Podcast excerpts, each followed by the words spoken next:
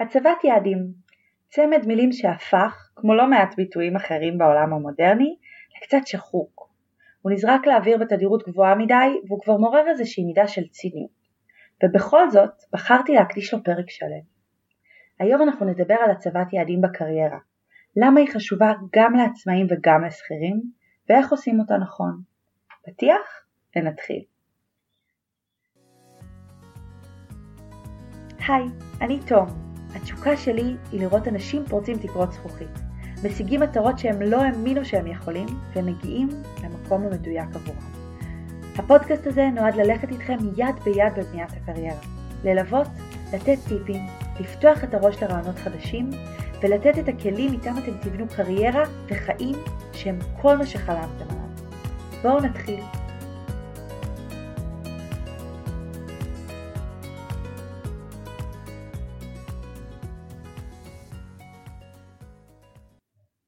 כשיצאתי לעצמאות, המטרה המרכזית שלי הייתה למצוא לקוחות ולהתחיל להרוויח כסף.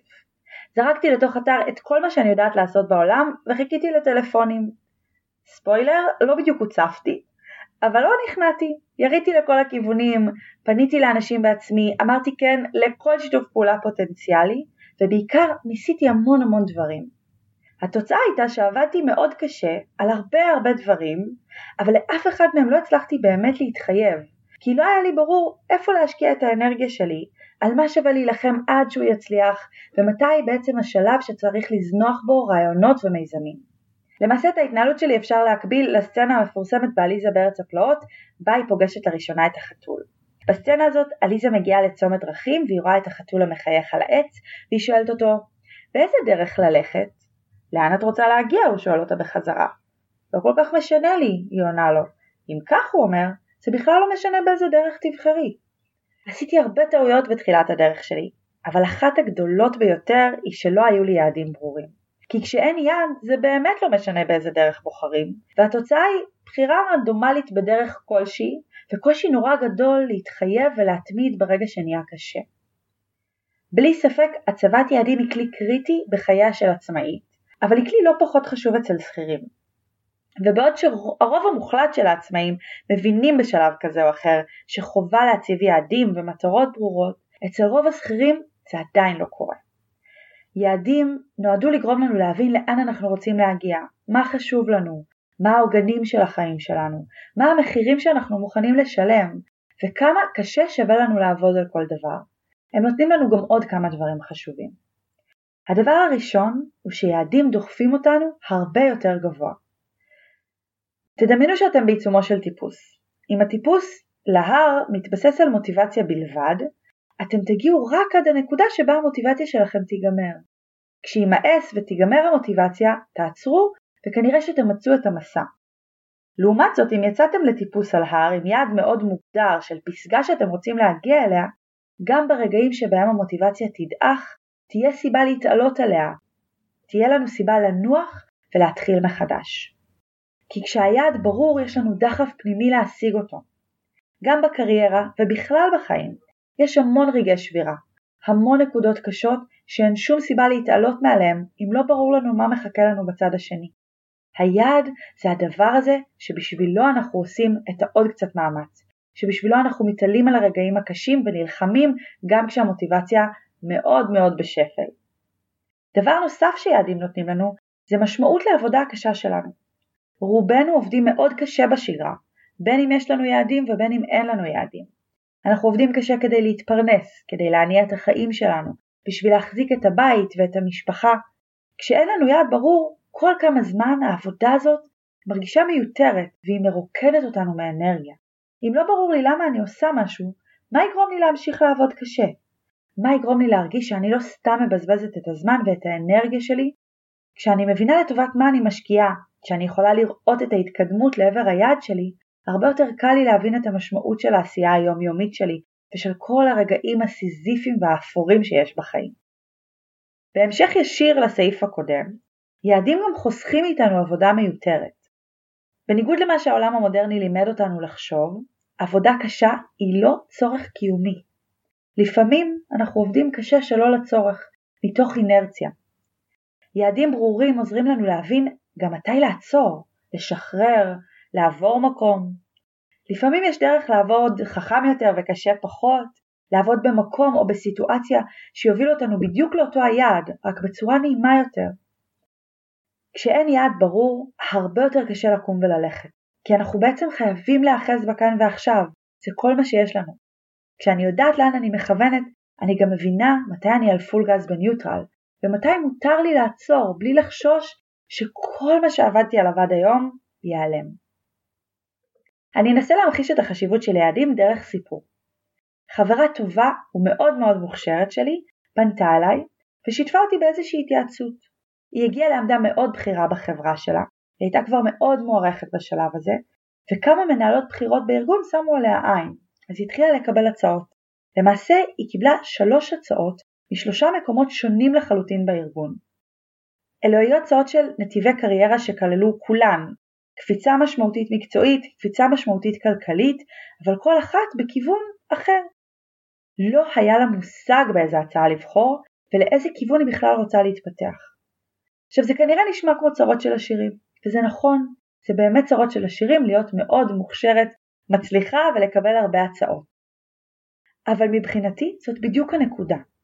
יעדים הם לא הדבר הזה שאנחנו צריכים רק כשאנחנו אבודים ולא יודעים לאן להתקדם. הם חשובים לא פחות כשאנחנו מצליחים מאוד, מתקדמים מאוד בקצב מסחרר, כי להגיע לעמדה בכירה בלי שום חזון או הבנה של מה הצעד הבא זו טעות גדולה. היא המקור להמון משברים שאנשים חווים כשהם מגיעים לדרגות הגבוהות. התעסקות של חיים שלמים רק בטיפוס בעצם גורמת לאנשים רבים לפקוח יום אחד עיניים על פסגה מאוד גבוהה שהם בכלל לא רוצים להיות עליה. הם צופים על נוף שלא מדבר אליהם, מסתכלים לאחור על ההקרבות שהם עשו בלי להבין למה הם בכלל היו שוות את זה. לא כל קידום הוא נכון, לא כל התפתחות היא מדויקת, ולמעלה זה לא הכיוון היחיד לצעוד בו. יעדים עוזרים לנו לזהות לאיזה כיוון ללכת, מה אנחנו מוכנים להקריב בשביל להגיע לשם, ומאוד מאוד בקלות לדעת איזה החלטות נכונות ולא נכונות עבורנו. אם לחברה שלי היה יעד ברור בקריירה, בכלל לא הייתה לה דילמה. היא לא הייתה צריכה להתלבט, כי היה נורא ברור לה איזה מההצעות היא ההצעה הנכונה עבורה. בגלל שלא היה לה מושג, היא נורא בקלות יכלה ליפול למקום שבו היא מקבלת הצעה על בסיס החלטות לא נכונות, על בסיס אה, יוקרה, משהו רגעי, חיבור נורא נקודתי עם המנהלת, בלי לחשוב על התמונה הגדולה, וזאת באסה. אז הבנו ששווה להציב יעדים, עכשיו בואו נבין איך עושים את זה כמו שצריך. יש כמה דברים שצריך לבחון כשאנחנו מציבים יעדים לקריירה. הכל מתחיל במה חשוב לנו. הרבה לפני שאנחנו חושבים על מקצועות שמעניינים אותנו, על תחומים שאנחנו טובים בהם, על כסף, חשוב לקחת צעד אחורה. הקריירות שלנו הן כלי שמשרת את החיים שלנו. יש להן נטייה לאורך השנים לקבל מהן חיים משל עצמן ולהתחיל לנהל אותנו. אבל הקריירה היא הכלי, היא לא המטרה, וזאת נקודה מאוד מאוד חשובה. לכל יעד יש מחירים, יש הקרבות, יש תועלות. בשביל לקבל החלטה טובה חשוב לדעת מה אנחנו לא מוכנים להקריב, מה חשוב לנו, מה יעשה אותנו באמת מאושרים. אז איזה שאלות חשוב שנשאל את עצמנו רגע לפני שאנחנו בכלל מציבים לנו יעדים? קודם כל, איך אני רוצה שהחיים שלי ייראו? האם חיי משפחה זה משהו שחשוב לי? האם אני רוצה להיות uh, הורה נוכח ומעורב בחיים של הילדים שלי? האם חשוב לי לטייל, לראות עולם, לקחת חופשים? יש לי תחביבים שחשוב לי לתחזק? יש איזושהי רמת חיים שחשוב לי לחיות בה? מה מהדברים האלה בעצם הכי משמעותיים עבורי? מה סדרי העדיפויות שלי? האם כסף חשוב לי יותר מהכל? שזה אגב בסדר גמור, אבל זה לא המצב עבור כולם? האם לצורך העניין הזמן שלי יותר חשוב לי? יש לא מעט אנשים שאם הם יעצרו ויחשבו רגע, יגלו שהם מעדיפים לקבל את הזמן שלהם חזרה ולמסור בתמורה חלק מהכסף. עוד שאלות שהן שאלות כביכול קצת יותר טריוויאליות אבל הן לא פחות חשובות. באיזה סביבה נעים לי להיות חברתית? האם חשוב לי להיות במקום ששואף למצוינות או כזה שדווקא מקדם חברות? האם אני מעדיפה לעבוד לבד או לעבוד בצוות? איזה ערכים חשובים לי בחיים ואני רוצה שמקום העבודה יהדהד בחיים שלי? ההבנה של השאלות האלה נמצאת בבסיס של קבלת החלטות טובה. אם נתחיל את התהליך במקצוע, אנחנו נפספס המון. בואו ניקח דוגמה. אם אני רוצה להיות מנכ"לית של חברת ענק, אני צריכה להבין שיש לזה מחירים. יש מידת השקעה שתידרש, כנראה תהיה מאוד מאוד גדולה. אני אצטרך להקריב הקרבות משמעותיים בדרך, ביניהם, לצורך העניין, רמת המעורבות שלי בחיי המשפחה, כמות הזמן הפנוי שיהיה לי, מידת המתח שאני אצטרך להיות נתונה בה ברמה יומיומית, הסיכונים הכלכליים שאני אקח. יכול להיות שמקצועית זאת השאיפה שלי, אבל אישית יש דברים שחשובים לי לא פחות, ויש פה התנגשות שחשוב לדעת לזהות. יכול להיות שהדבר הנכון בסיטואציה הזאת יהיה לבחור יעד אחר, שמתאים יותר לחיים שאני רוצה, ולוותר על הקונספט של להיות מנכ"לית של חברת ענק. יכול להיות שהדבר הנכון עבורי יהיה להציב גבולות, ולהגיד באיזה תנאים אני מוכנה להשיג את היעד הזה, ומאיזה שלב הוא כבר לא שווה לי את זה יותר. יכול להיות שאני אבחר ביעד הזה, ואדע מול איזה הקרבות אני עומדת ואתאם ציפיות עם עצמי ועם הסביבה שלי לגבי מה אני יכולה לתת מעבר לעבודה המקצועית שלי. אין דרך אחת, אין פה אמת, אין נתיב שהוא נכון למול נתיב שהוא לא נכון. יש המון נתיבים שמובילים בדיוק לאותו היעד וגם יש המון וריאציות לחלומות שלנו. אם נחזור רגע לדוגמה של המנכ"לית של חברה גדולה, אני יכולה גם לקחת צעד אחורה ולשאול את עצמי מה יש בתפקיד הזה שהופך אותו לחלום עבורי. הרבה פעמים אנחנו נתקעים על קונספט בלי להבין מה עומד מאחוריו. האם זה המעמד שמדבר אליי להיות מאוד מאוד בכירה? האם זה הכסף? התגמול הכלכלי של להיות במעמד הזה? האם זאת ההשפעה? היכולת להניע דברים? האם זאת היצירה של משהו גדול מאפס, או היכולת להוביל דרך או חזון? יש המון המון דברים שיכולים לעמוד מאחורי הרצון שלי להיות מנכ"לית של חברה גדולה. כל אחד מהם יש לו משמעויות קצת שונות. יכול להיות שיש תפקידים אחרים שיספקו לי בדיוק את אותם הצרכים, יביאו אותי בדיוק למימוש דומה, אבל בלי לרמוס דברים אחרים שחשובים לי לא פחות. בסוף, החיים הם מארג הדין. חשוב שניקח בחשבון את כל הצדדים של ההחלטות שלנו.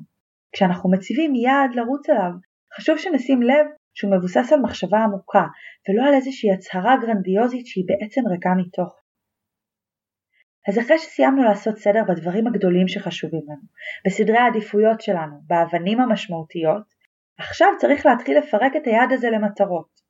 אני ממליצה ליצור מטרות ארוכות טווח ומטרות קצרות טווח.